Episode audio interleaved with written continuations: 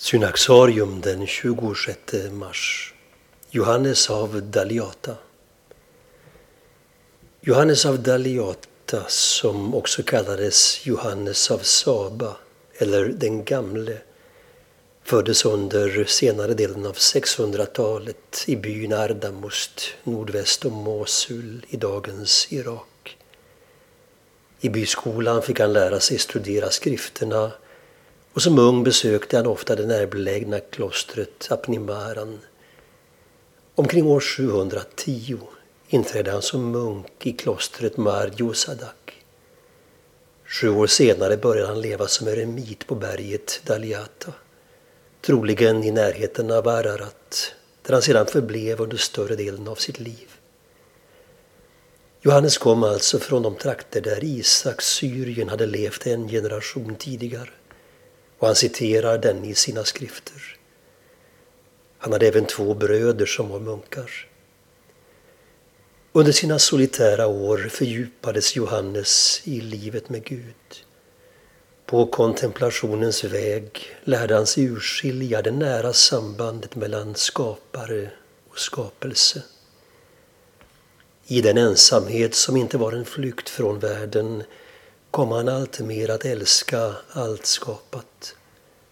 Han närde sin själ i det dagliga umgänget med naturen och hans skrifter utmärks av en djup insikt om innebörden av att leva ett sant mänskligt liv.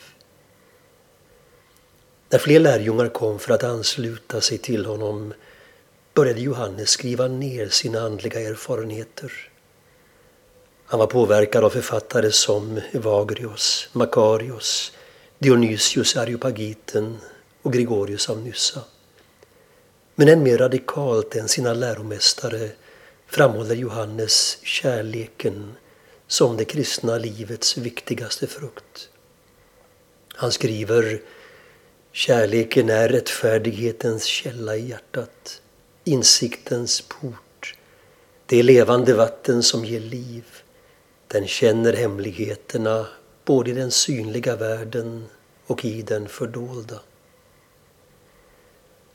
Mot slutet av sitt liv begav sig Johannes till den sydöstra delen av nuvarande Turkiet där han tillsammans med andra munkar restaurerade det övergivna klostret Mar vars ledare han blev. Omgiven av sina bröder dog Johannes i hög ålder och överlämnade åt dem en livsregel innan sin död. Tidpunkten för Johannes av Daliatas död är okänd men i den östsyriska kyrkan som han tillhörde firar man honom den fjärde söndagen i fastan.